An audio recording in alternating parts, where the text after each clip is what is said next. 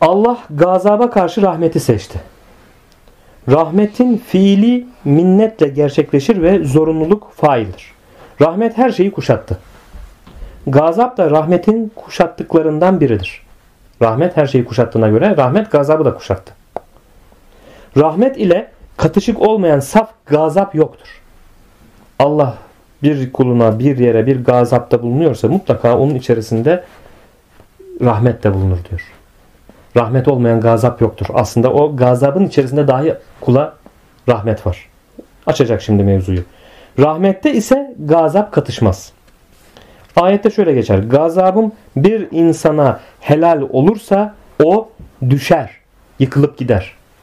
Evet şimdi bu ayette ne demek istemiş manayı açıyor.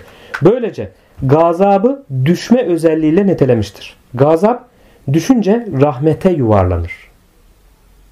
Rahmet de kendisini kuşatır ve içerir. Dolayısıyla gazap rahmete düşebilir ve gazaptaki rahmet vasıtasıyla düşmüştür. Yani düşmek de rahmetin bir sonucudur. Binaenaleyh gazabın düşmesini sağlayan şey rahmettir ve saf rahmet bu sayede gazabı kabul eder. Gazaptaki rahmet tıpkı içimi nahoş ilaçtaki rahmete benzer. Hasta nahoş olsa bile onu içer. Tadı çok acı, zehir gibi bir ilaç ama şifa verecek. Hasta mecburen bu nahoş, içinden hoşlanmadığı ilacı içer değil mi? Çünkü şifa bulacağına biliyor, inanıyor. İşte bu gazaptaki rahmet de böyledir diyor. Onda gizli bir rahmet vardır ve bu nedenle insan hasta olunca nahoş ilacı içmiş, gizli rahmet de hastayı iyileştirmiş, iyileştirmiştir. Bu ise saf rahmettir. Bu nedenle ahirette rahmete ve onun hükmüne ulaşılır. Cehennemlikler ateşten çıkmasa bile onların da ateşe bir ateşte bir nimeti olacaktır. Bunu ikinci ciltteydi zannediyorum. Birinci ciltte de cehennem konusunu işlemiştik. Cennet cehennem. İkinci ciltte de geçiyordu o konu. Orada detayla Muhtin İbn Arabi Hazretleri anlatmıştı. Cehennem ehlinin bir süre sonra e, Allah'ın rahmetinin ne demek olduğunu ve cehennem ehlini o rahmetin e, kuşatıcılığının ne olduğunu izah etmişti. Yani o azaptan lezzet alır hale gelecekler. Dolayısıyla bu da onlar için bir nevi rahmet olacak diye dile getirmişti. Devam ediyoruz. Cehennemlikler ateşten çıkmasa bile onların da ateşte bir nimeti olacaktır. Ayette şöyle geçer. Allah her şeye kadirdir. Allah'ın dünyada ateşte yarattığı yarar ve rahata bakınız. Evet dünyadaki ateşte bir takım yararları var değil mi? Bizim için yemeğimizi pişiriyoruz, ısınıyoruz. Halbuki ateş yakıcı ama bizim için nimete de dönüşüyor. Yarara dönüşüyor.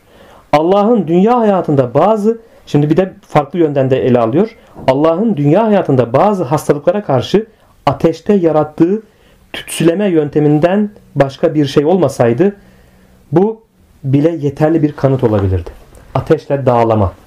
O zaman Arap toplumunda olan bir şeydi. Ee, işte yarayı, hastalığı ateşle, ateşte kızdırdıkları bir şeyle, e, demirle dağlama yapılarak oradaki o hastalığın insanı ölümcül bir hastalığa götürmesi engellenirdi ya da e, bu hastalık önlenmiş olurdu. Bu ateşleme dağ, ateşte dağlama yöntemi de kullanılırdı o zaman. Bundan bahsediyor bu tütsüleme dediği. Allah'ın dünya hayatında bazı hastalıklara karşı ateşte yarattığı tütsüleme yönteminden başka bir şey olmasaydı bu bile yeterli bir kanıt olabilirdi. Çünkü tütsüleme ilaçların en keskinidir. Etkisinin gücü nedeniyle de tevekküle zarar verir.